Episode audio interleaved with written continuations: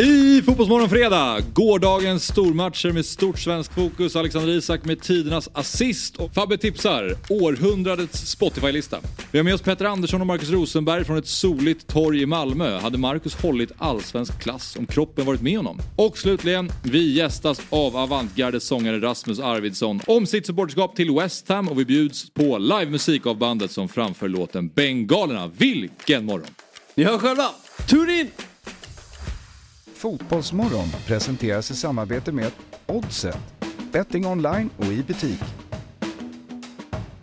Telia, samla sporten på ett ställe och få bättre pris.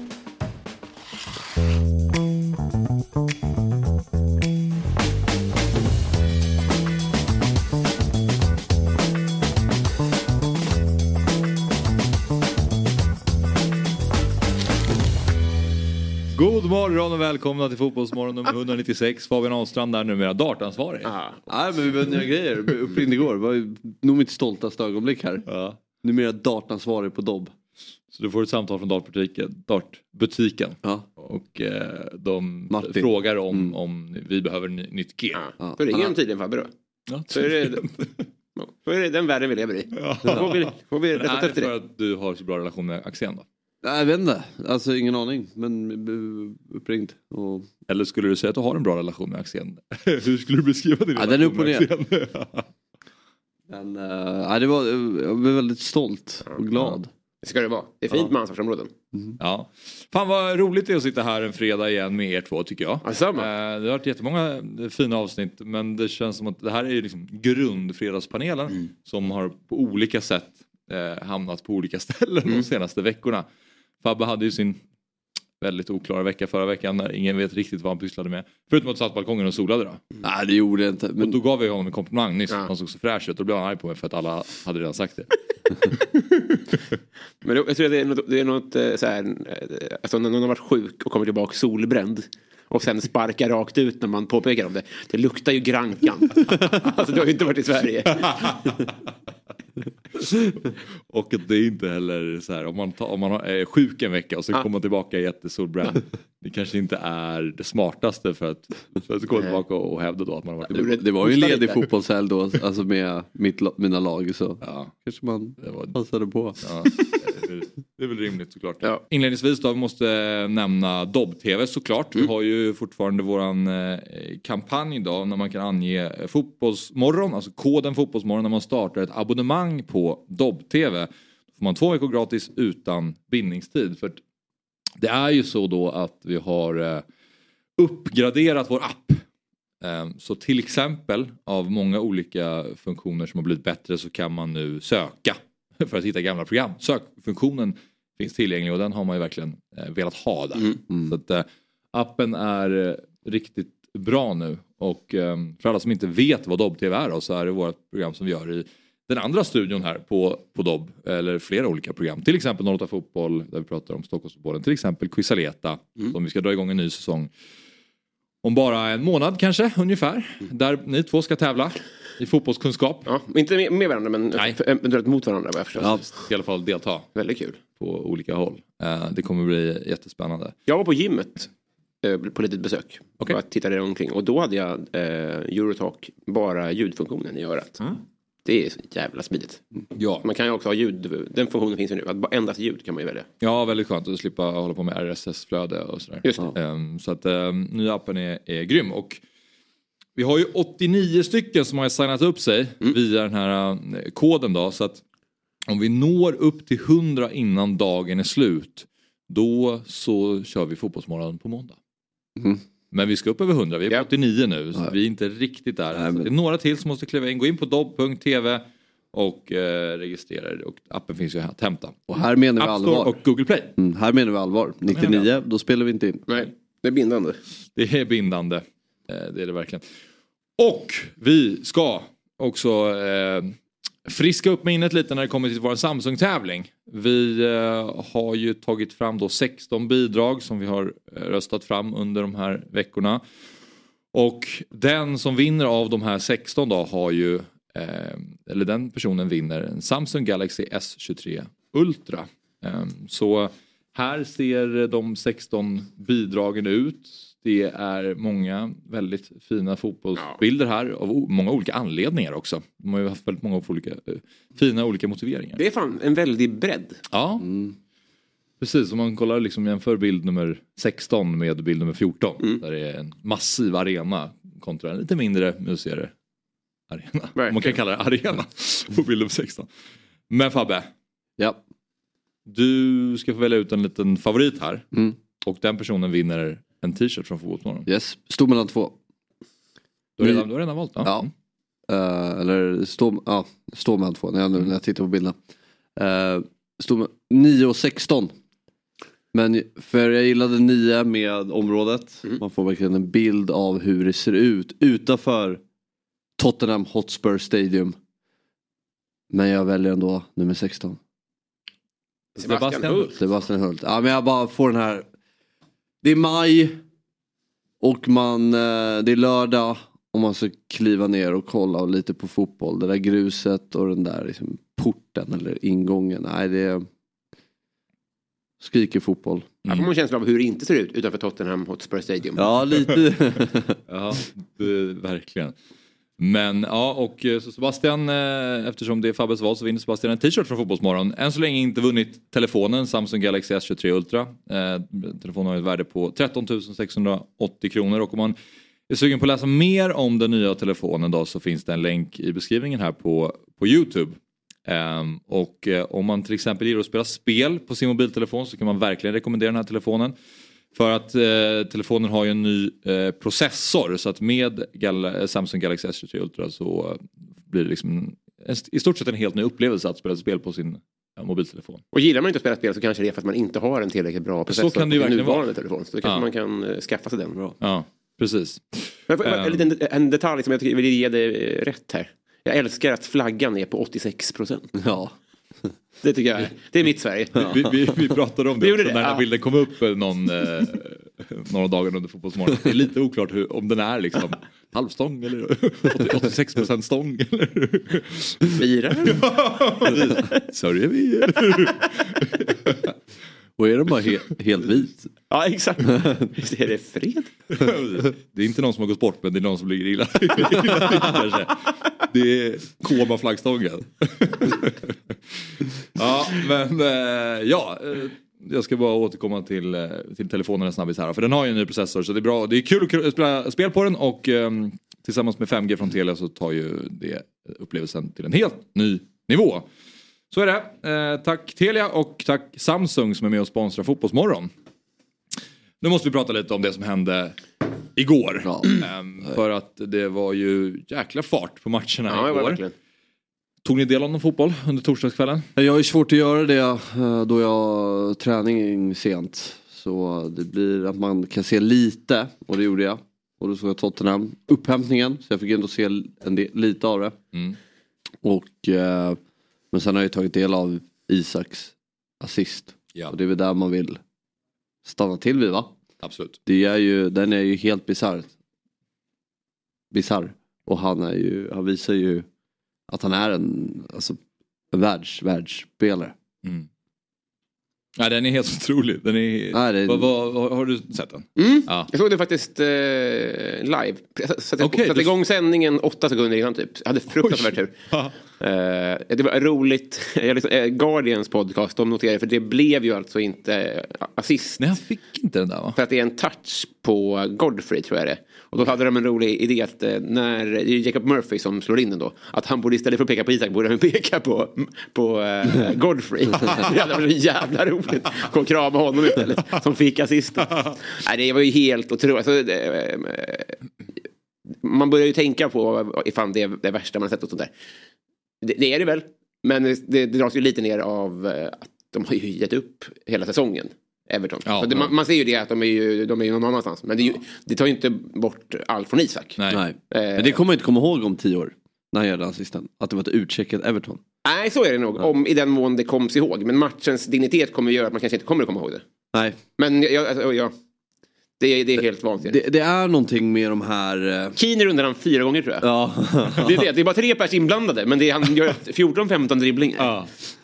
Men jag tycker, eller fortsätt. Det är ju någonting när de dansar på kortlinjen och Ja. alltså linjerna. Att det är som, Man tror hela tiden att nu kan han inte komma längre. Nej. För att han har ingen yta kvar att jobba med. Nej. Och det är tre pers framför, bakom och bredvid honom. Men då är touchen så väl avvägd att han den verkligen slickar linjen och han håller den på plan. Det är helt galet. Och eh, det börjar ju i halva plan Mm. dessutom. Ja. han hade ju en sån där eh, eh, sekvens, na, eller den är inte helt, men det påminner där mot Slovakien. Som hade kunnat varit ett helt, alltså, Och sen har han väl mot, i Liverpool också i, eh, i sin debut. ja. Var han också någon sån som, som inte heller slutar, jag tror det, det där är, om det blir bortdömt eller något sånt där. Det här är första gången som det blir en slutprodukt. Ja. Och det kommer ju göra att man kommer komma ihåg det. Och det kommer göra att det blir eko också. Det är lite som att när han spelar fotboll då, det känns som att han springer runt på en hinderbana. Att så här, han ska hitta vägarna fram. Ja. Eh, Men det, det var, jag, när vi pratade fotbollsmorgon lördag så hävdade jag att man, i landslaget så skulle man kunna spela Alexander Isak som vänsterytter. Mm. eh. Och spela Foppa som tia. Mm. Och eh, då Gyökeres på topp och sen eh, Kulusevski till Mm. höger. Och eh, det är just för vi pratade om att han gillade, precis det vi såg där, att han gillar ju att hämta boll lite lägre och komma rättvänd mot försvararna. För han är ju skicklig anfallare också såklart och gör mycket mål. Och, eh, men det känns inte som att det är det som är hans spetsegenskap Nej. ändå. Alltså målgörandet. han är ju ingen anfallare i sig. Nej. På sättet han spelar på. Och, eh, Man vill ju involvera honom i spelet. Ja och så här, jag tycker inte man kan kräva, för många vill hävda att han gör lite för lite mål och sådär. Men jag Nu tycker, kan man inte göra det riktigt. Nej, nej nu Nej. kan man verkligen inte göra det för nu har han ett enormt bra målsnitt. Men att, att det är det som fattas. Men samtidigt på det sättet han spelar på när han hämtar boll och kan ta, transportera den 30 meter. Så tycker jag inte att man kan kräva liksom 20 mål av honom i, i Premier League. Även fast han har absolut potential att göra Ja. Men han har så mycket annat och uh, läskigt hur bra han är. Ja. Jag var tvungen att gå in lite som du sa, man började fundera på vilka är de snyggaste assist man har sett. Eh, och jag eh, sökte och då hittade jag mycket bara så här most assists. Det var svårt att hitta mm best assists. Det känns inte som att det rankas så ofta. Men jag hittade något YouTube-klipp i alla fall där det var någon så här sjuka assister. Och eh, det var ju några som dök upp då. Det här eh, Dennis Bergkamp till Fredrik Ljungberg när han vänder och vrider typ tre, fyra gånger som att han snurrar runt sig själv hela tiden. Och sen han. till slut bara flickar han den till Ljungberg som lobbar in den. Just det. Helt otrolig. Gut, eh, Gutti med sin... Han måste väl ha fem där? han har väl ett gäng, absolut. Men den jag tänker på i alla fall när han kommer fri och klackar bak den bara. Man tror att han ska avsluta och sen släpper han den rakt bakåt till Benzema tror jag som, som lägger in den i typ öppet mål. Nu ska vi prata lite spel här i Fotbollsmorgonstudion och på fredagar så är ju inte myggan här. Nej. Eh, Då är det jag som försöker leverera några vettiga spelförslag och jag har ju ändå levererat några vettiga spelförslag de senaste gångerna. Eh, Det är fullt ös där ute. Ja, I- i- roligt, alltså. i rummet bredvid. Rörig imorgon, Ja. allt runt omkring här Ja, som mycket händer. Spring. Vi har inte fått någon lugn och ro. Nej, Så vi är så här, krigsbunker. Ja. Man får en gitarr i huvudet. Jo, men jag hade tre raka tripplar som satt. Eh, Min eh, som jag hade förra veckan var väldigt nära. Jag missade, jag satte två av tre men Crystal Palace vägrade slå Everton hemma. Ja. Vilket när man såg dem igår, Everton, så förstår man inte hur de misslyckades. Nej, Du hade ju rätt i sak på något sätt. Jag- tycker vi räknar in det. Ja. Ja. Men här har vi en, jag tryckte upp oddsen lite, jag brukar ju landa på totalodds kanske runt 7 någonstans. Mm. Men eh, nu eh, ligger den på 9-13. Då har vi först på AIK, slår Sirius hemma. 1,82. Alltså AIK är ju ett lag i, i kris men eh, hemma mot Sirius, vi såg att de studsade tillbaka mot Hammarby. Jag tycker ändå att det var okej odds för en, en seger för AIK här. Eh, Verkligen. Ja. Så. Verkligen. Ja. Den tog jag med. Sen hade vi båda lagen mål, Häcken, Värnamo. Ehm, häcken är ju starka men än så länge de håller inte jättemycket nollor. Och eh, Värnamo ehm, vet jag att du håller högt. Eh, Ja, men bra fotbollslag. precis, och jag tror att jag tror att Häcken vinner den här matchen men jag tror att Värnamo kommer göra mål. Och därför båda lagen i mål. Den är två gånger pengarna. Och sen eh, Roma-Milan. Över 2,5 eh, mål i matchen. 2,51 fick man där. Och det blev 2-2 i första mötet när de här möttes i ligan. Ehm, och jag tänker att eftersom de båda, Milan satsar, de slåss ju om Europaplatserna så det är en viktig match för båda. De tror de står på samma poäng till och med. Ehm, Men i och med att eh, Roma också förbereder sig för Bayer Leverkusen i Europa League och så har vi Milan som förbereder sig inför Derby della Madonnina. Och eh, Dybala är borta för Roma. Jag ser bara framför mig att det kan hända lite vad som helst den här matchen. Och Milan har en bra form. I Romas tre senaste matcher så har det blivit över 2,5 mm. mål. Så jag tror att eh, det är på samma plan. De kommer göra mål men Milan kommer ju svara. Och mm. Rafa Leao är i stor form. Så jag tror att det kan bli ett sjöslagsläge, ett sjöslagsläge här. Precis. Det var dit jag ville komma. Så där har ni den, min trippel. Ja, jättekul. Och det, är, det, det jag gillar med den här är ju att det är tre matcher man verkligen vill se. Ja. Mm. Och då, då blir det extra kul. Ja. Så, uh, och fina odds. Det är en uh, lördagstrippel vi ser ja. framför oss här. Så um, in och rygga om ni vill. dob.one slash oddset. Uh, eller så använder ni QR-koden. Och eh, Oddset är en eh, produkt från Svenska Spel, Sport och Casino AB. Man måste vara 18 år för att eh, få med och spela och om man har problem med spel så finns ju stödlinjen.se.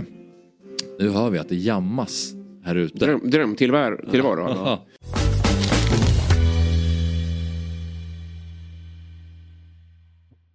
Ett poddtips från Podplay. I podden Något Kaiko garanterar östgötarna Brutti och jag, Davva, dig en stor dos skratt.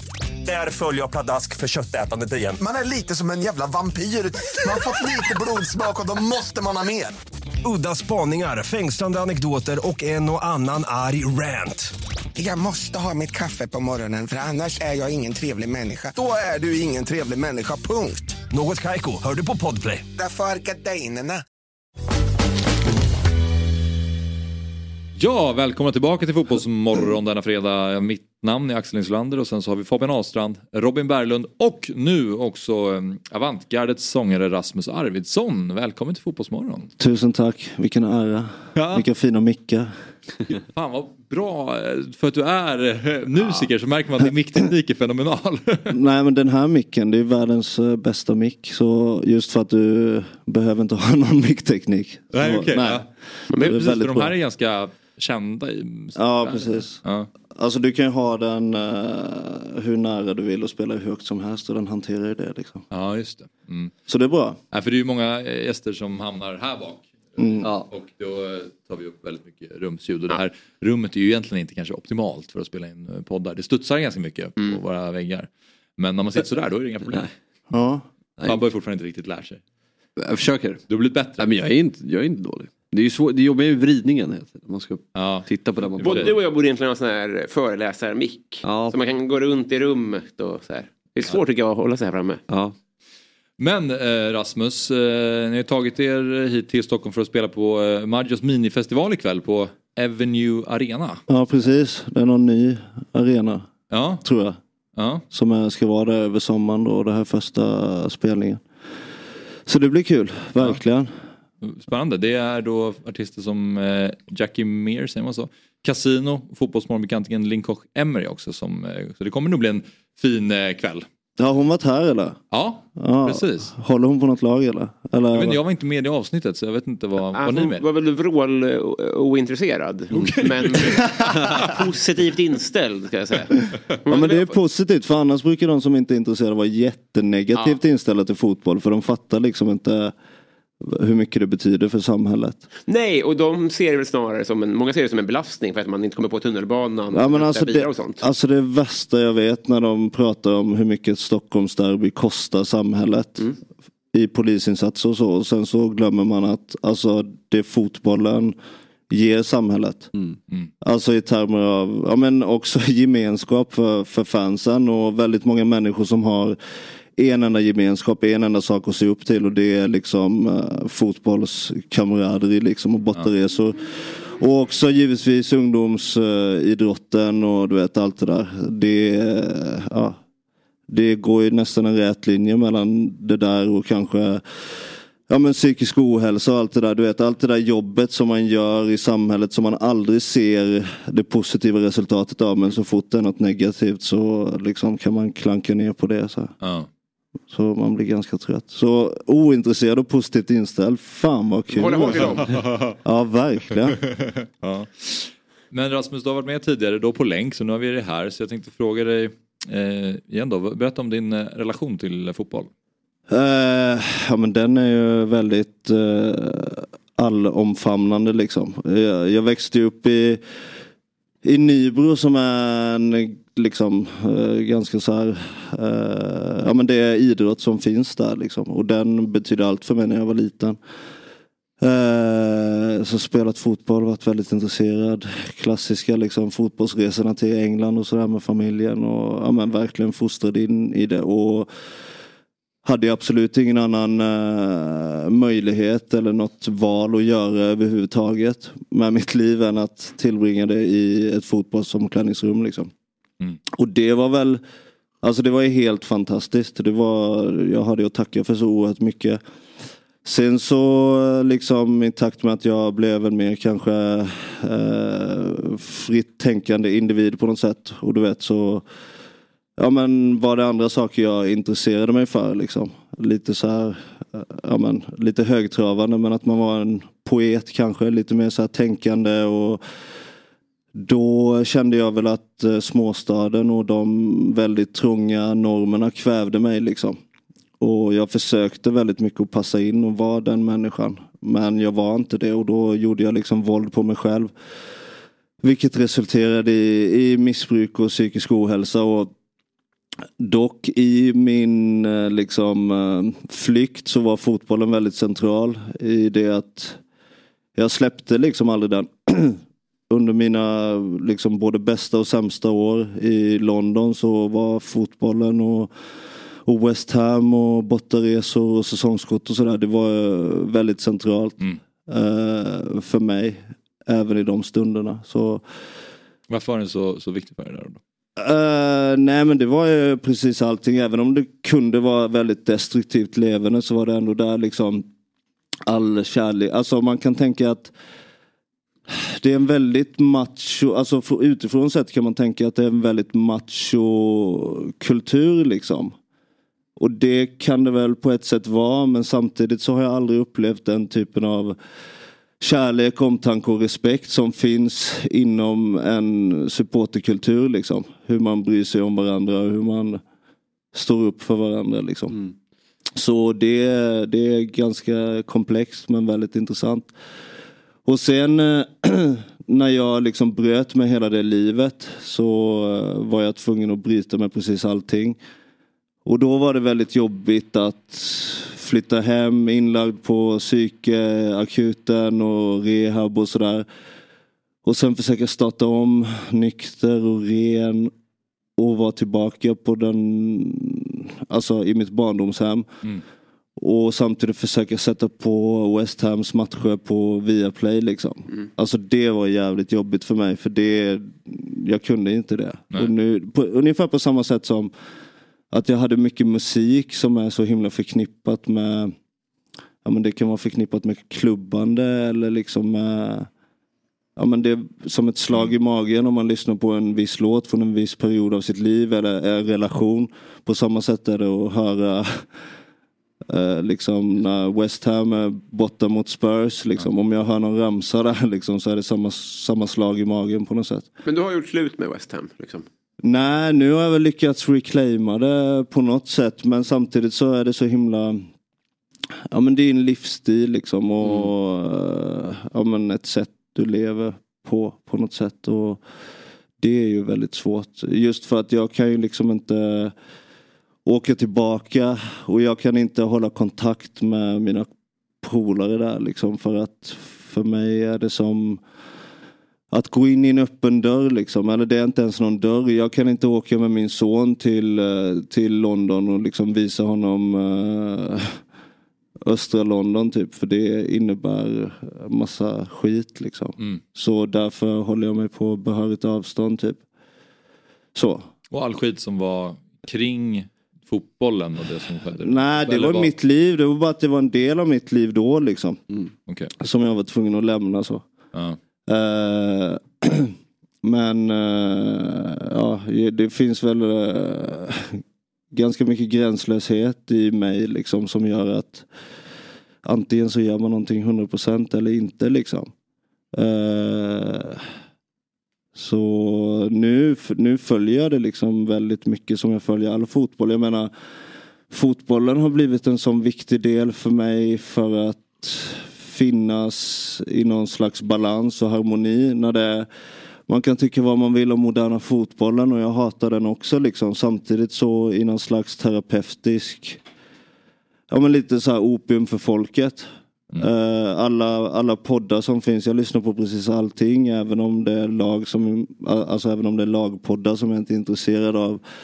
Och när det är liksom tisdags, onsdagsomgångar i Premier League. Även att jag liksom orsaken till det hatar jag. Så mår man ju väldigt bra av det för att det finns alltid någon match att titta på. Så eh, på så sätt så betyder det jättemycket för mig. Liksom. När var du bodde i London? Eh, 2010, alltså 10 till 15. Liksom. Hur skulle du beskriva liksom den här bortaresekulturen i England? Alltså den är väldigt stark och det är ju... Och supportkulturen i sig, alltså ja, utifrån ditt perspektiv. Alltså om man kollar så de har ju gjort väldigt mycket. Eh, det är ett väldigt konstigt argument från svensk sida att säga titta på England. De har löst problemet. Nej, de har inte löst problemet. De har bara gjort det omöjligt för arbetarklassen att åka på, alltså att besöka arenorna liksom. Och det visst, det är ett sätt som Margaret Thatcher löste problemet på. Men det sättet liksom tycker inte jag är så tilltalande. Och eh, det det har blivit om man kollar på en Premier League-match liksom från Emirates eller mm, Old Trafford eller vad som helst. Så det enda du hör av publikljud det är ju från bortasektionen. är liksom. lite det, exakt. Och det hemska där liksom, det är typ att tågbolagen till exempel, de väntar ju med att de kollar in spelschemat för Premier League-säsongen och sen sätter de priserna därefter. Liksom. Så hela samhället gör ju precis allting för att göra det omöjligt för fansen att även åka på bortamatcher och sådär. Men det finns ju väldigt många som prioriterar och köper ett bortasäsongskort istället för ett hemmasäsongskort. Liksom. Så att den eh, followingen finns ju verkligen där. Hur tog du dig runt? Alltså var det buss eller? Ja det var olika men eh, alltså om man bor i London så är det väldigt många matcher som är på väldigt behörigt avstånd sådär. Men det fanns ju också exempel på ja, men Newcastle borta liksom och man eh, kollar någon jävla buss och jag vet inte hur lång tid det tog och man vaknade upp i Newcastle på avtändning på Chack och det var bara en Clas Olsson öppen. Liksom. Det var väldigt konstigt så här. Gå runt där på en söndag liksom klockan sex i Newcastle City Center. Ja. Kolla Clas Olssons skyltfönster och matchen var typ vid fem och Alltså St. James' bortasektion det är liksom Ja, den är uppe i himlen typ. Det är det konstigaste jag varit med om. Och sen så det var en tid i West Ham då det var så här, alltså den pågår väl fortfarande men typ Alltså man visste att de skulle göra noll mål liksom. Det var Kevin Nolan och Andy Carroll. Ja. Som skulle göra magin liksom. Det var precis innan Payet. Alltså jag flyttade hem innan Payet kom. Och när Payet spelade var det så här, vi vet att det blir två drömmål varje match. Så, Alltså det var ju helt sjukt. Sen lackade han och ville till hem liksom. Men alltså gå från Kevin Nolan och Andy Carroll till Payet. Det var så här, fan jag skulle stannat lite till men jag kunde inte. Seven Village va? Ja precis i slutet. Tid, alltså.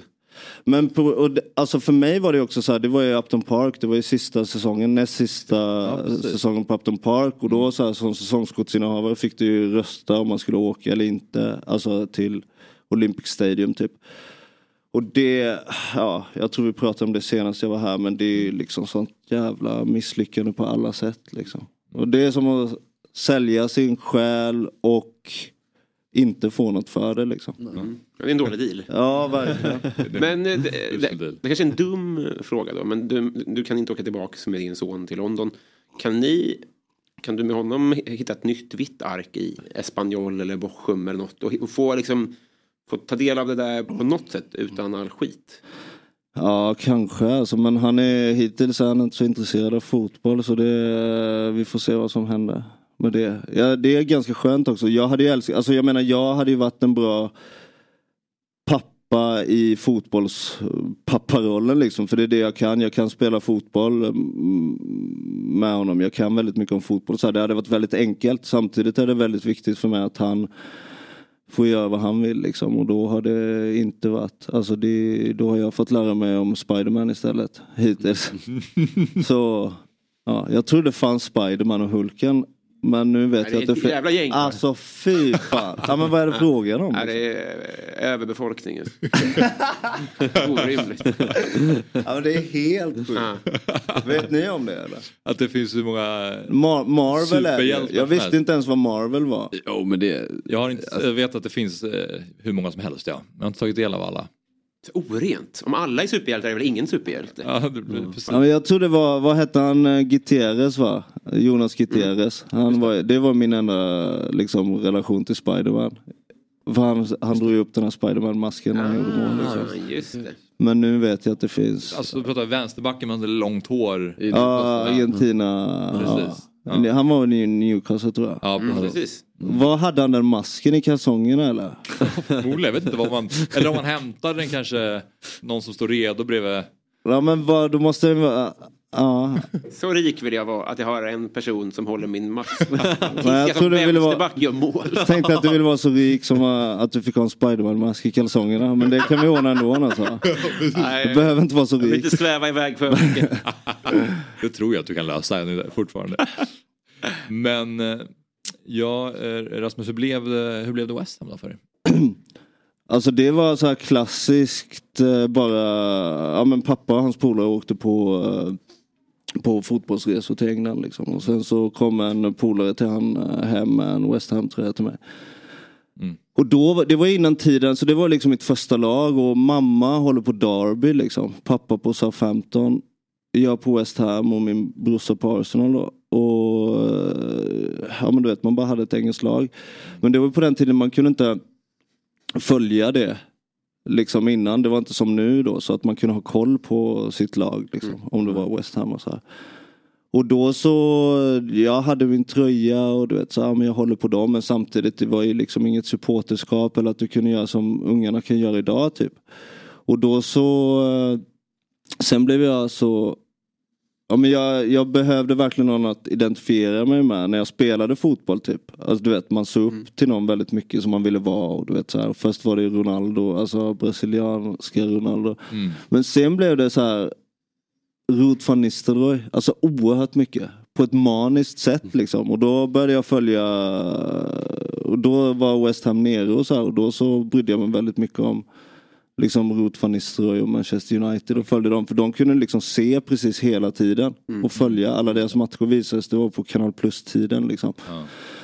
Eh, och då var det liksom som att det var de som tog över det. Men sen så när jag flyttade till London så återupptog jag liksom West Ham och ja men som sagt fick hela Fick hela den där, eh, jag menar, hela paketet på något sätt. Vad, vad föll du för eh, när det kommer till Van Nistelrooy? Ja, men jag tycker det var så jävla grymt på något sätt. Och egentligen är det antitesen till det. är ologiskt för jag, ja, men jag är så här Maradona liksom 100 procent. Att, ja men George Best också, jag har bott i Belfast och George Best är en stor ja, men förebild liksom. Just för ja, men allt lika mycket utanför planen som på planen och framförallt hur man spelar sin fotboll och så här. Och därför är det väldigt konstigt att Ruth van Nistelrooy blev en stor idol just för att det enda han gjorde var mål. Men jag tyckte det var så jävla mäktigt.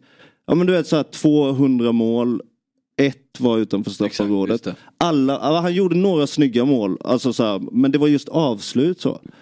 Och det jobbiga var ju att jag var väl typ så här 13-14, ganska talangfull på fotboll just vad gäller spelsinne och liksom, ja men jag skulle väl vara en väldigt så här kreativ mittfältare på något sätt. Men så hade jag Ruth van Nistelrooy som förebild och jag bara, jag ska bara stå still i straffområdet. Och, ja men fattar du vad jag menar? Man identifierar sig med någon och ska Ja. vara så här. Ja. Jävligt ocharmigt. Han är väl den som har åldrats bäst i hela världen. Han är så snyggare nu än när han spelade. Han är otroligt snygg nu. Det är inte, jag, jag är kluven till det där. Men det är väl, det är väl bra. Att han har åldrats väl. Ja, väl. det är ro, det är här, alltså jag blir gladare när jag ser att folk lever livet efteråt. Det, det, Jaha, där hade jag själv så. hamnat Ja. tror jag. Ja. Att han, inte, att han tar hand om sig bättre efter karriären. Ja, precis. Det är konstigt. Ja, men vill du vara så rik så att du åldras jävligt bra eller så att du åldras jävligt dåligt? För pengar kan ordna båda sakerna. Ja. Vad vill du göra med de här pengarna? Vill du förstöra ditt yttre eller vill du bevara ditt yttre? Ja, jag skulle nog vilja spränga mig själv tror jag. Men vad fan är han nu? Är han i, han är i PSV Ja. typ eller? Som någon Ja, just, assisterande? precis, Ja. tränare. Ja, huvudtränare Jag tror jag. Ja. Jaså? Ja. Vad Jävlar. Han är på G som tränare. Var det, men- var det Dr. Martins Sjukt första snygg. tröjan i West Ham? Nej, Dagenham Motors. Okej. Sjukt nice alltså. Långt från Olympic Stadium. Ja men fatta. Det är som Bayern typ skulle ha, jag vet inte, Nisses uh, bilverkstad liksom. Ja. Fast det är, ja men som nu, tänk er nu då. Ja. Nu är det Husky Cup mot Millwall. Ja. Just det. Ja. Men när du, för du säger att du konsumerar mycket fotboll idag, eller väldigt mycket fotboll idag. Ja. Ehm, finns det där mörkret kvar i det eller kan du sitta på det helt eh, friktionsfritt? Nej men det är mer att jag är så jävla jag är så intresserad av eh, ja, men supporterkulturen och fotbollens liksom roll i samhället och det här stora, alltså saker som jag alltid har varit väldigt intresserad av. Och det, eh, ja, alltså det är det man följer med på lika mycket. Jag menar, resultaten kommer ju att gå, liksom, säsongerna kommer att gå men de där mekanismerna de utvecklas nästan bara åt fel håll liksom, tycker jag. Mm. Alltså hur fans blir behandlade och hur samhället ser på deras roll på något sätt. Och Sverige är ett jättefint exempel just för att det supportrar är absolut världsklass. Både vad gäller uppslutning och vad gäller tifogrupper och allting. Samtidigt som, ja men så, som jag sa så har man England att, att se på som någon typ av Ja men så kan det också gå. Ja fast då går det fullständigt åt helvete. För grejen är att Ja men ponera att ni procentuellt skulle prisa ut samma antal och samma typ av supporter från de svenska läktarna. Då skulle det inte finnas några supportrar.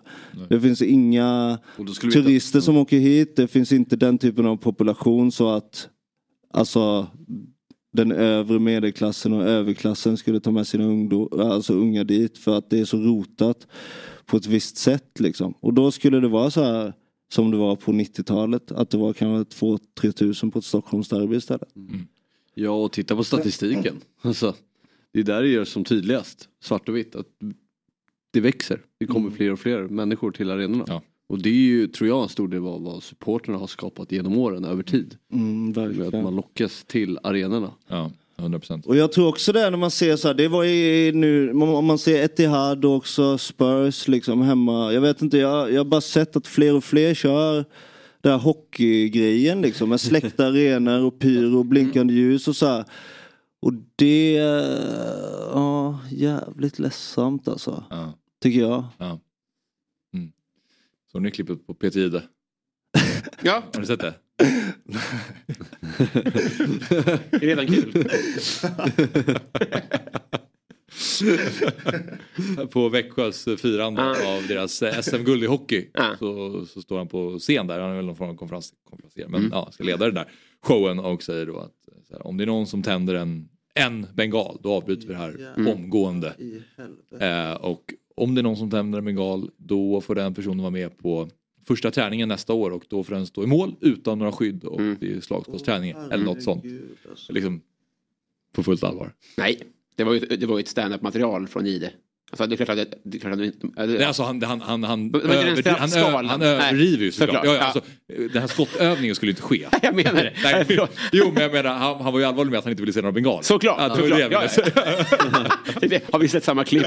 Det här får, är det här lagligt ens? Naken? Nej, det, det, det kanske var med lite skämt. Ja, ja, det, så, det, det eh, var, var mest eh, det värsta för mig då. Jag som eh, uppskattar den moderna fotbollen mest i det här rummet skulle jag tro. Var ju Peter Jihdes självförtroende i sin, i sin stand-up.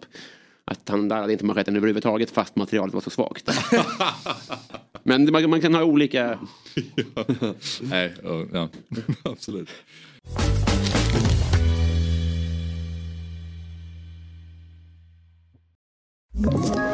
Ett poddtips från Podplay. I fallen jag aldrig glömmer djupdyker Hasse Aro i arbetet bakom några av Sveriges mest uppseendeväckande brottsutredningar. Går vi in med hemlig telefonavlyssning och, och då upplever vi att vi får en total förändring av hans beteende. Vad är det som händer nu? Vem är det som läcker? Och så säger han att jag är kriminell, jag har varit kriminell i hela mitt liv men att mörda ett barn, där går min gräns. Nya säsongen av Fallen jag aldrig glömmer på Podplay.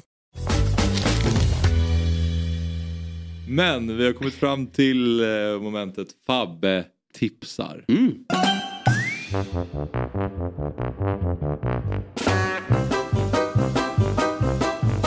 Fabbe tipsar. Som vi har varje fredag. Och Fabbe har Ja, sin egen lista. ja, exakt. Idag, det är också musik idag faktiskt. Är det det? Ja, det Ja, är spännande. musik och det är inte för att Rasmus är här utan eh, det här, eh, det här skulle vara egentligen till förra veckan men då var jag sjuk. Och eh, den är lite tillägnad till dig. Ja, oh. För du ska ju göra en svensk klassiker i år. Mm. Och då vill jag hjälpa till lite här. Okej. Den är ju för andra också. Eh, som, som är ute och tränar. Nu när det är varmare, folk gillar att gå ut och motionera sig, springa och cykla och simma eller vad det är. Paddla kajak eller Så då har jag, eh, kanske man inte ska ha mobil med ute i vattnet dock. Men eh, då har jag satt ihop en ehm, en Spotify-lista åt dig. Jag har dock inte själv Spotify men jag har satt ihop en lista till dig. Du har inte Spotify? Som du kan, ja men skitsamma. Okej, Nej. Men ehm, som du kan ha när du är ute och Ah. springer. Okej, ja. Så jag har gjort en lista, vad snällt. Väldigt Ja. fint. Vad snällt. väldigt fint. Ja, och hur har du tänkt när du har lagt upp den här? listan? Jag har eh, tänkt ganska brett. Ja, Jag har eh, försökt, eh, jag vill ju att du ska tycka om den. ja. eh, när du är ute och tränar. Ja. Så att du, du klarar det här. För det är, ändå, det, är, en- det är ändå en tuff utmaning du har gett in på. Så är det ju. Så jag vill ju ändå att du ska verkligen lyssna på den här och omfamna den. Och, med, och att du tycker om den. Så att du kan, vill, vill lyssna på det och att det ger dig extra energi. Med lite inslag av eh, min typ av musik. Eh, Okej. Så jag vet inte om vi har den, om vi har en bild. Men uh, ja, där ser vi Spännande. avantgardet. Jävlar före Stones alltså. Fabbes alternativa löplista. Så det här är eh, framförallt för löpning då, när man går ut och springer? Precis. Okej. Ja, det här ser inte dumt ut på det lilla jag ser. För. Tänk att dra baksidan till introt på Jumping Jack Flash. Ja, det, det är ett...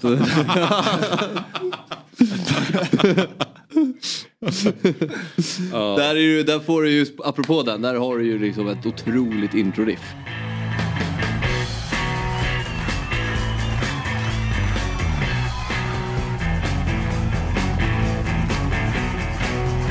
Du, kan, du har ju så- såklart hört den. Ja, det har jag absolut och, gjort. Då, då det känns då får du extra energi där på Västerbron.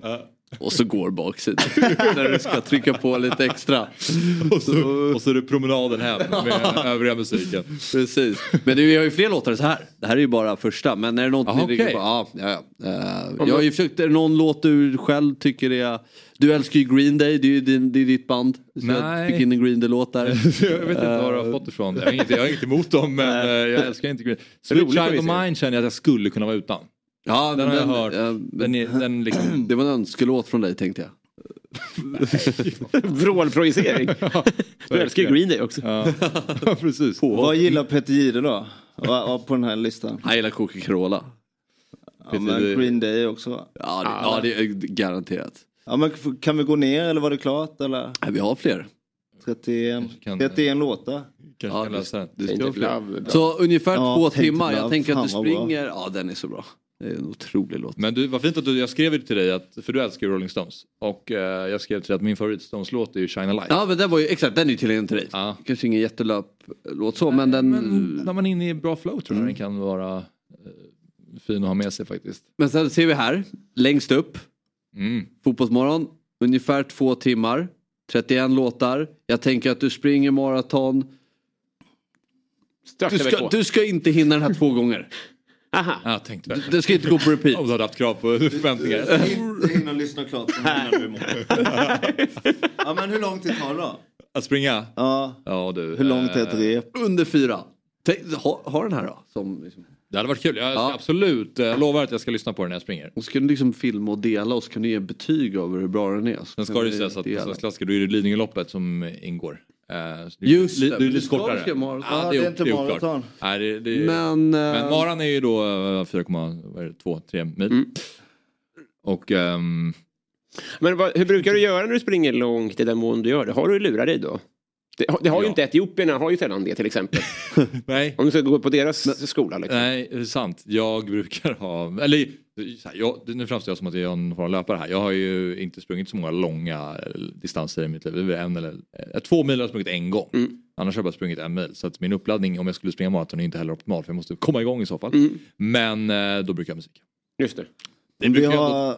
Isak Chemombo eh, har rekordet Lidingöloppet, 1.33. En 33. Ja. Ja. Men eh, det är ju inte, Storbritannien Paul Evans 1.36.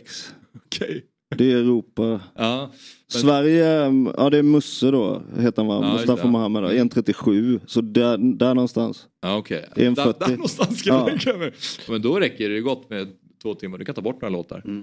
Ja, men det här, den här är ju inte bara... introtävling. Jag ska nämna, det här är inte bara till dig. Nej. Det här är ju till alla som tittar och lyssnar på det här. Att, Jät- jättebra. så, Superbra. Vi har, vi har lagt upp hela listan på Instagram. ja. Eh, Så jag är, man är ju nyfiken på, kan- kommer du ihåg några fler låtar som du hade med då? Utöver dessa?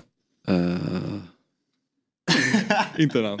jo men... eh, bland annat, eh, vad heter hon nu? Tror Klara och jag. Klara och jag. Mm. Eh, deras nya där, vad den heter. Uh, Eh, Baset och tårar eller idag, kom, idag släppte de rock'n'roll. nej. Oh, jag, jag har det faktiskt, jag fick upp det nu.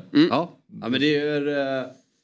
Uh, Spring Rico från det- Valentin. Ja. är ju bra. Ja, den är grym. Eh, Det är väl... Om, eh, precis, precis. om gatuvåldet i Stockholm. Där, va? Precis. eh, Anton Abele, min, kan- eh, min hakbroder.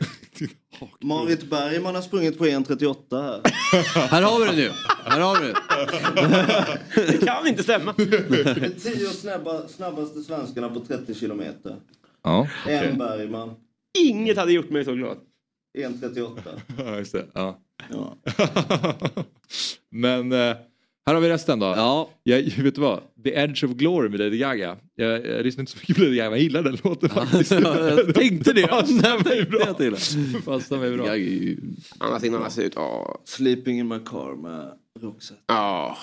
Den har jag en gång eh, på musiken när jag var typ 10. Mm. För då, då frågade, då hade vi en så här, alla fick ta med sig sin favoritlåt till musiken och då tog jag med mig Sleeping in my car med Roxette. Oh, Jag tyckte den var så jävla bra när jag var liten. Jag lyssnade väldigt mycket på Roxette och också gillade Ja, men vi har vår första så här VHS hemvideo som mamma filmar. Så är det min bror och jag som kör till, alltså vi kör vitsar och så. Och sen Roxette liksom. Ah, ut oss. Vem var du? Ja. Ja, Marie, Ja. 100%.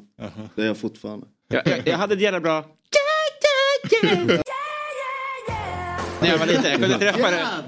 Ja, den sitter ju än idag. Helt sjukt. Kan inte det vara jingeln till Farve tipsar?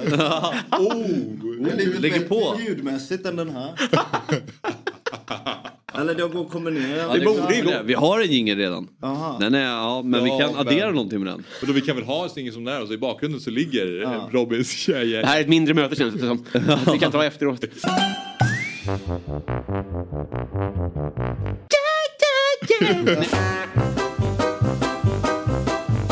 Fabbe tipsar.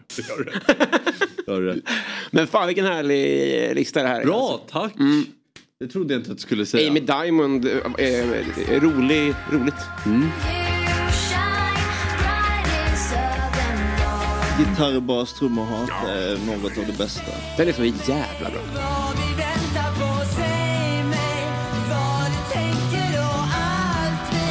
Nummer 25 där Axel. Inför Vätternrundan. Ja, också jättebra. Vad är det för, borde jag veta det? Uh, Eller är det Tour de nej. France-vinjetten? Jag vet inte vilken är det. Jag har hört den, Ja. men jag kan inte eh, sjunga. Men vad är det roligaste att göra? Cykla, simma, springa? Jag har ju precis börjat cykla. Jag ska inte fasta för mycket med min Vätternsatsning men eh, det är ganska kul faktiskt. Oväntat roligt att cykla, Och cykla. omkring. Ja, Ja. eh, precis. För det blir ju något annat än att bara cykla omkring i stadsmiljö. När man faktiskt åker ut och, och kör lite med lite eftertryck. Jag vill inte lägga i, men min kompis klarade det full. Vättern? Ja. Oj, hur jag- full? Ja, eh, han, han sa bara att han hade druckit. Liksom. Men- Vatten och blåbärssoppa. Det låter ju eh, ganska farligt. Ja, så är det nog. Men, men simningen känns farligast. Om man nu ska Verkligen. köra. Ja, full ja. Ja. Mm, Sen behöver man inte tävla i vad som är farligast att köra full. Men det gjorde han i alla fall. nej. Det här kommer du klara. Ja. Kul, tack Fabbe Ja. för ditt tips. Du är väldigt bra på presenter och du är eh, en bra lyssnare.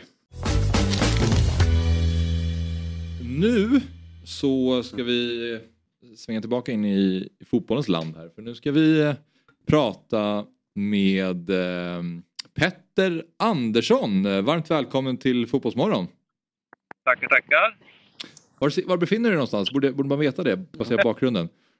Eh, vi är i, vad kallas det, Stortorget i Malmö. Just det. Vad härligt det ser ut. På besök snart. Aha. Här Av? min sida. Av eh, min gode vän Marcus. Härligt. Ja, vad härligt. Men du, ni eh, driver ju tillsammans eh, fotbollsagenturen Full Potential Agency. Um, du kan bara börja, börja där Petter. Hur, hur, liksom, beskriv uppstarten av, av agenturen. Ja, vi, vi, ni, får, ni får säga hej här då. Tjenare! Tjena! Tjena! Hur, Det här är... Fan man är ju avundsjuk på det där vädret. Ja, fortsätt Petter. Eh, nej, men vi, eh, vi har drivit det sedan 2020, jag och Mackan. Eh, när han slutade så blev han agent, skulle bli agent och jag höll ju på med spelarutveckling.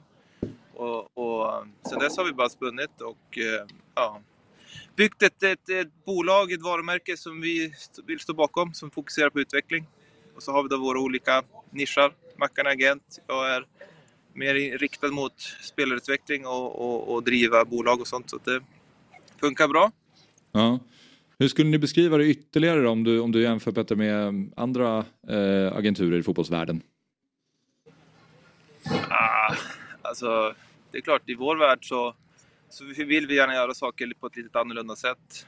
Eh, vi har ju själva spelat fotboll så att man har ju lärt sig mycket, fått med sig mycket erfarenheter om livet som spelare, vad som funkar, vilka behov man hade. Eh, så där har vi verkligen försökt bygga upp en, en tydlig struktur internt, men också liksom bygga upp kunskap som är gynnsamt för våra klienter, men också för oss som bolag. Eh, men sen är vi, vi är ju olika som människor också, jag och Mackan här då. Vi är rätt, vi är en viss kontrast mellan oss. Eh, Jag är från Nord, norr, Nordnorge, Nordnorge höll på att säga. Norra Sverige. Lite ödmjuk, tystlåten och Mackan han är ju malmöit. Med allt vad det innebär. Ja, vi måste ju välkomna dig ordentligt i Fotbollsmorgon, Marcus Rosenberg. Hur är läget eh, utanför fotbollsplanen? Jo men det är bra. Fint väder, blå himmel, men det är det alltid i Malmö så det är inte så konstigt. Men eh, ta hand om han här, han får komma ner lite och få lite fint väder ibland. Så att, eh, jag klagar på faktiskt. Ja. Hur mycket saknar du fotbollen, eh, Marcus? Eh, ja, den kommer man alltid sakna. Men sen med varje år som går så blir det den här realistiska chansen att eh, gå in och spela, den blir mindre och mindre. Så att eh, den, eh, den finns inte där längre. Så att eh, nu njuter jag mest, med, såklart, när det väl är stora matcher och sånt så är det klart att man alltid kommer sakna det. Men det tror jag man gör om 30 år också.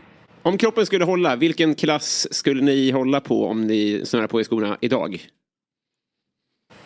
om kroppen hade hållit så hade man väl hållit, hållit på samma nivå känns det som. Men eh, nej, den, tanken kan vi bara lägga ner känns det som. Det, det går väldigt snabbt att tappas.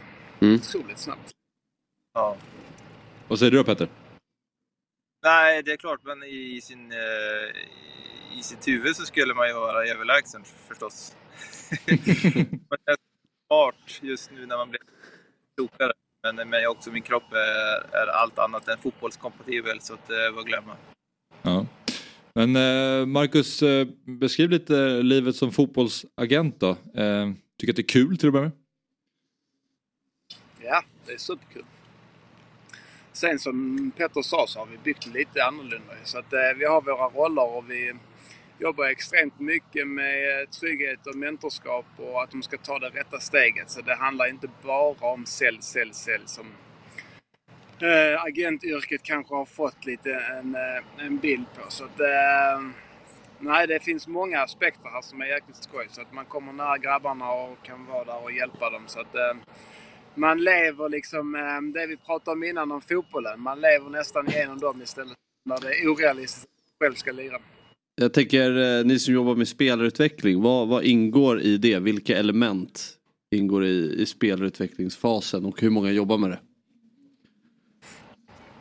Ja, men vi har väl försökt göra så att alla vi har en, en fot in i det. Alltså dels som mentorer i och med att vi alla har spelat fotboll och varit på, på den, nivån, den nivån och gjort den resan som de många klienter som vi jobbar med vill göra. Eh, men sen är det ju kopplat till case to case, alltså vilka spelare det är, vad behoven är och vilken miljö de kanske själva spelar i. Vissa klubbar har rätt mycket mycket kunskap och resurser in-house, vilket gör att man kanske inte behöver stötta dem med så mycket saker. Vad på andra mindre klubbar inte har speciellt mycket stöd när det kommer till individuell feedback eller utvecklingsplaner eller mental coaching eller vad det än må vara. Eh, Så att som, det är väldigt, väldigt breda penseldrag, men alla är, jobbar väldigt aktivt med, med mentorskapet då, och, och verkligen försöker forma våra klienter till att förstå sin roll som fotbollsspelare, utbilda dem helt enkelt och hjälpa dem att liksom förebygga riskfaktorer som finns för, som kan vara negativt för utvecklingen. Hur många klienter har ni totalt idag? Alltså, vi är väl och snudda på runt 40 stycken, knappa. Eh, mestadels södra Sverige. Eh, och var på en, en, jag har inte helt i huvudet då, men så att eh, merparten är väl ändå etablerade, eller som eh, vuxna om man får säga så. Och så har vi ett gäng också i akademi, akademierna eh, som spelar akademifotboll. Då. Mm. Men det har ju varit en rolig resa tycker jag då, specifikt att liksom se skillnader och liksom försöka hitta vår nisch. Vad vi, vilka vill vi jobba med? Vilka passar till oss? Hur tidigt vill vi vara med och, och gå på spelare? Liksom försöka rekrytera spelare då. Eh, där finns det ju en, eh, ett ganska brett spektra av när man vill och ska och får framförallt eh, approacha spelare. Ofta när vi eh, får prata med eh, folk i agentbranschen eller när man läser om det så pratar man just om det som Marcus sa, att det finns en bild av att det finns mycket skit och sånt. Gör det det och eh, upplever ni att man får jobba emot det väldigt mycket? Eller är det en felaktig bild att det är en schysstare bransch än vad man som utomstående kanske kan tro? Alla branscher har en positiv och en negativ sida. Så är det. Sen är att fotbollsbranschen är så populär och vi är en del av den. Liksom. Då blir det klart att det blir ännu mer skriverier. Men det, vi arbetar ju bara med våra klienter. Vi, vi blandar oss inte med andra agenter. Så, att, så vi vet inte riktigt vad som försiggår eh, utanför vår lilla bubbla. Så att, eh, jag tror ändå att det blir extremt mycket negativa skriverier för att det kanske är vissa aktörer eh, som inte sköter sig och sen att ja, vissa tar extrema summor från klubbar, framförallt när det släpps. Så att, det nya Fifa-reglementet kommer att ändra på sånt och jag vet inte. Vi är i vår egna lilla bubbla och eh, om vi är agenter eller mentorer eller vad man vill kalla det så, så trivs vi bra med det. Så vi blir inte påverkade av, av en hel bransch. Liksom. Mm. Hur mycket jobbar ni med era spelare vid sidan av planen och försöker hjälpa dem att vara ja, men, mentalt redo för nästa kliv och ja, men, allt som inte handlar om det som sker på just fotbollsplanen? Ja, mycket. Alltså, det är en stor del av det. För oss också att lära känna spelaren i fråga och, och liksom sätta oss in i vem den är som människa. Och liksom för det där, där kände, märker man av ganska snabbt om den, är, om den känns och upplevs redo för att kunna ta ett, nytt kliv. Och sen så beroende på det då också då försöka liksom skräddarsy sen vad det klivet ska vara. Eh, till vilken typ av miljö borde passa den här människan bäst. Både mänskligt men också då sportsligt. Eh, så att som, det är där vi försöker och ska bli bäst. Det har vi satt upp internt, att det, det är där vi ska vara bäst. På, på att verkligen utveckla spelare, människor. Eh, Men också liksom att utbilda dem. Alltså genom utbildningen så upplever man ju väldigt mycket att det skapar en stor trygghet hos dem. Alltså när man skapar kunskap själv, man kan prata med dem om ja men, fotbollsdata, allt som de får till sig genom andra medier också. Så kan vi förenkla och förtydliga den typen av saker som också liksom är gynnsamt då i, i den här mänskliga processen som, som vi tror så mycket på och som vi också har sett liksom effekterna av med många av våra klienter. Mm.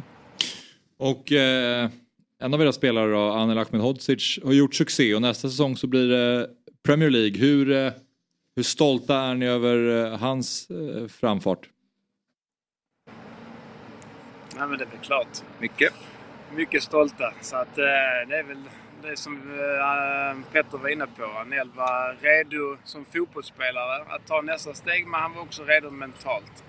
Så det man ser som åskådare 90 minuter, kanske en eller två gånger i veckan, det är liksom en del av det. Där kan man vara väldigt redo för nästa steg. Men eh, lär man inte känna sina spelare så vet man inte om de är redo mentalt. Så att, eh, Eh, därav lägger vi stor vikt kring vad som händer eh, runt om fotbollen också. Så vi vet att de är redo för nästa steg både mentalt och fotbollsmässigt. Då. där är väl eh, Anel ett eh, perfekt exempel där han kommer till en miljö där han går in och får spela direkt. Då. det är väl klart, ingen hade väl kanske kunnat våga och tro att det skulle bli så här liksom. Årets lag, semifinal i FA-cupen och sen så får han avgöra matchen som tar dem till Premier League. Så att, eh, jag är fortfarande en mittback. Så lite orealistiskt, men att vi är stolta. Jag tänker när han gick till Sheffield, eh, hur mycket påverkade ni hans val i processen? Att det, ska vara rätt, att det var rätt klubb och så vidare. arbete. Så att, eh, eh, jag gillar inte när agenter och folk runt omkring tar för mycket cred. Det är fortfarande spelaren och Anel som har skött allt. Liksom. Det är han som har varit på planen. Jag vet inte hur många matcher han har spelat. Det är otroligt hur många matcher han har spelat i Championship. Så det är han som ska ha allt cred. Eh, men det är väl klart, vi är en del av eh, att han flyttar dit där. Men i slutet är det alltid spelaren som tar beslutet. Det är inte vi. Är, jag förstår om det är inte så enkelt, men är Championship det bästa mellansteget man kan ta nu? Det är så himla med Victor Johansson, med Ponne och med Hjalmar. Det känns ju perfekt. Gyökeres. Såklart, ja, Gyökeres. Där är du inne på någonting som är fotbollsvärlden alltid. Det finns inget perfekt steg för alla. Det finns individer i fotboll. Det ena är inte rätt. Bara för att det är rätt för den ena betyder inte att det är rätt för den andra. För Anel visade det sig vara rätt, men för en annan spelare kanske det är någon helt annan liga. Liksom. Så att eh, man måste lära känna individen för att veta vad som troligtvis är det bästa steget. Sen är det ju svårare också att komma in. Ja, det, det behöver ett visst antal poäng och sånt, så det är inte öppen marknad för alla spelare. Utan det, det behöver oftast vara liksom en landslagsspelare eller eh, ha gjort matcher i Europa. Eller det finns ett system som, som de följer. Så det är rätt svårt också att komma in på den engelska marknaden. Jag tänker på den dialogen ni pratar om ni har med spelarna. Hur, hur, of, hur, åt, hur ofta har ni dialog med era spelare? Hur återkommande är det och hur känner ni på att växa och ta in fler klienter? Så att, alltså med tanke på hur många som arbetar för er och så vidare. Vad, eh, hur ofta har ni den här dialogen med spelarna och hur, hur sköter ni den dialogen? Nej, men vi har en ganska tydlig struktur kopplat till varje säsong, inte internt då, hur vi jobbar och vi sätter upp liksom en plan tillsammans med spelarna. Men sen är det ju som löpande med, alltså varje spelare har ju oftast mer kontakt med någon av oss, alltså någon mentor då. Sen är det mer upp till mentorn att följa upp och ha kontakt och stämma av. Om behoven finns där så gör man lite mer djupgående möten och, samtal omkring vad det än må vara. Men annars i de flesta fallen, önskebilden är ju att de de själva driver på, de spelar fotboll, de får vara i fred och sen så när de har behov av något så vet de att vi finns som en trygghet bakom dem och så eh, hör de av sig. Vilket fallet är i, i, många, i många fall. Då. Så den typen av, det är också deras ansvar att liksom känna av vad de, vad de har behov av för stunden och att, och att vi då kan bygga upp den tryggheten, att vi, de vet att vi har den kunskapen de behöver eller vad det än må vara så är det så det, men det funkar väldigt bra och det är den typen av saker som vi jobbar väldigt mycket med, att som hela tiden försöka effektivisera och förbättra eh, för att då kunna erbjuda samma typ av, av jobb för alla klienter. Era gamla klubbar möts ju på söndag. Malmö mot Hammarby i Allsvenskan. Um, Petter, hur mycket följer du Bayern idag?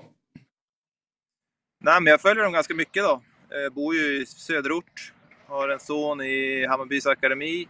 eh, Så att det blir rätt naturligt. Jag hänger väldigt mycket på deras träningsanläggning och kollar fotboll. Så att jag har rätt bra koll. Och eh, samma fråga till dig då Marcus. Du känns som att du nyss spelade för Malmö visserligen men eh, eh, hur mycket följer du laget?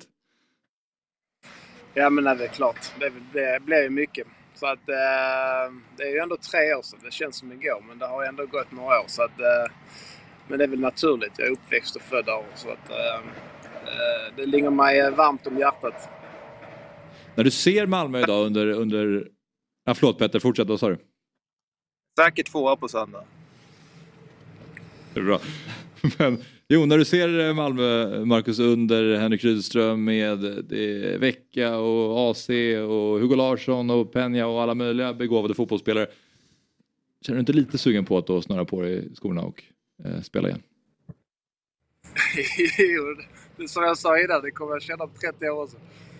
Men det är väl klart, nu går man bara dit som åskådare. Så det, det är väl självklart att det är roligare att gå dit där i år. Det är en helt annan typ av fotboll. Det eh, senast mot Norrköping så var det ju matchen slut efter. Eh, den här typen av fotbollen eh, gör ju att man saknar det ännu mer. Finns det på ett sätt en dröm om att bli 20 år äldre så att steget blir längre från att vilja hoppa in? Alltså fattar du frågan? Man slipper den där våndan. Den har redan kommit dit. Liksom. Jag är eh, li- lika långt ifrån nu som jag är om 20 år känns som, om jag ska vara helt ärlig. Det känns helt omöjligt. Ja okej, för att vi har ju Fabbe här i studion. Han är ju tränare för eh, Stocksunds IF i division 6. Så att eh, det går ganska trögt för dem inledningsvis på säsongen. Så om ni inte har några i ert eget stall så om ni någon gång snurrar på i skorna igen så kan jag behöva lite hjälp. Ja, du får ringa Petter. Han har nära dit. ja, men jag, jag är ingen eh, förstärkning idag. Jag kan vara med och coacha och vara... Jag har ju tränarutbildning så att jag kan eh, stå vid sidan om och guida kanske. Vilken värvning. Ja, Snyggt jobbat. Otrolig värvning. Tack Axel. Ja, varsågod. Hörrni, eh, ni ska få eh, fortsätta med det ni ska syssla med idag då. Men eh, kul att prata med er och eh, lycka till framöver. Vi ska ta en eh, minipaus bara för att fixa med lite ljud så att det blir rätt ljudförutsättningar här inne. Åh, Och sen-. Det vore första gången i så fall. Okej, hyfsat. Tjena! Så vi, vi tar eh, ett kort break så är vi alldeles strax tillbaka och då ska vi få höra Avantgardet spela sin låt Bengalerna. Ja, då är vi tillbaka och eh, jag ska bara sträcka mig efter mikrofonen här. Nu har vi fått in eh, Patrik och Mattias också från Avantgardet. Så att jag tänker att vi ska avsluta med eran låt Bengalerna. Ja, på skiva så är det stol med, instrumentet stol. Om någon vill spela stol så får ni göra det. Okej, Eh, det blir Fabbe. Ja. Ja. Så påminner också om att ni spelar ikväll på Avenue Arena. Ja. De som eh, vill gå och se Avantgardet live, vilket jag verkligen rekommenderar. Så att, vi säger tack för idag. Fotbollsmorgon är tillbaka imorgon lördag igen. Då börjar vi klockan 10. Nu lyssnar vi på Avantgardet med Bengalerna.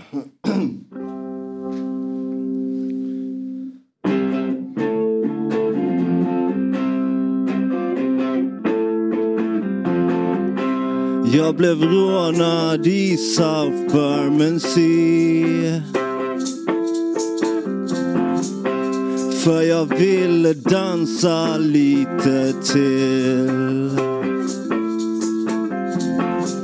men mycket hellre ligger jag och flyter i floden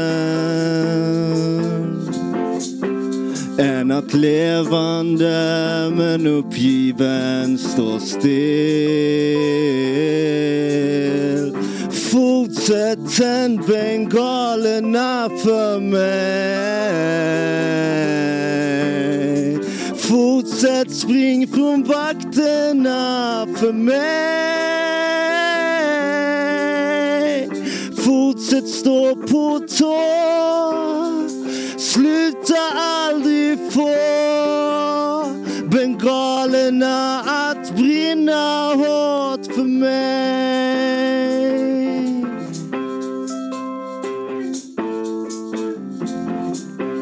Jag blev tvingad naken ner på knä. För polisen ville ha roligt med. Men mycket hellre ligger jag och flyter på en golv än att levande men uppgiven står still. Fortsätt tänd bengalerna för mig. Fortsätt spring från vakterna för mig. Fortsätt stå på tå. Sluta aldrig få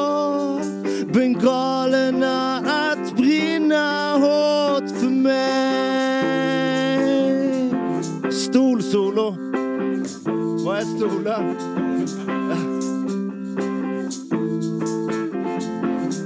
Jag kräktes upp mitt blod i Düsseldorf. Bra Fabbe. Det blev ett dyrt flyg trots ett helt gratis flyg. Fan vad bra alltså. Nu har jag slutat övervaka månens fall. Men genom er lever jag alltid kvar i smyg. Fortsätt tänd bengalerna för mig. Fortsätt spring från vakterna för mig. Fortsätt stå på tå. Sluta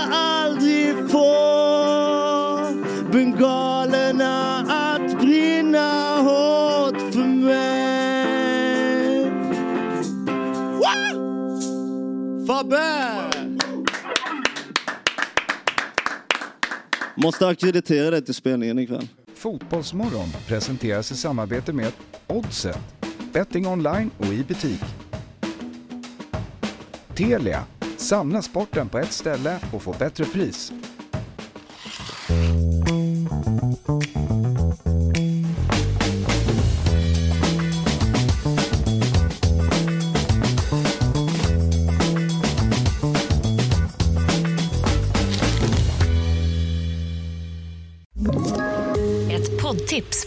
Podplay. I fallen jag aldrig glömmer djupdyker Hasse Aro i arbetet bakom några av Sveriges mest uppseendeväckande brottsutredningar. Går vi in med hemlig telefonavlyssning och, och då upplever vi att vi får en total förändring av hans beteende. Vad är det som händer nu? Vem är det som läcker? Och så säger han att jag är kriminell, jag har varit kriminell i hela mitt liv men att mörda ett barn, där går min gräns. Nya säsongen av Fallen jag aldrig glömmer på Podplay.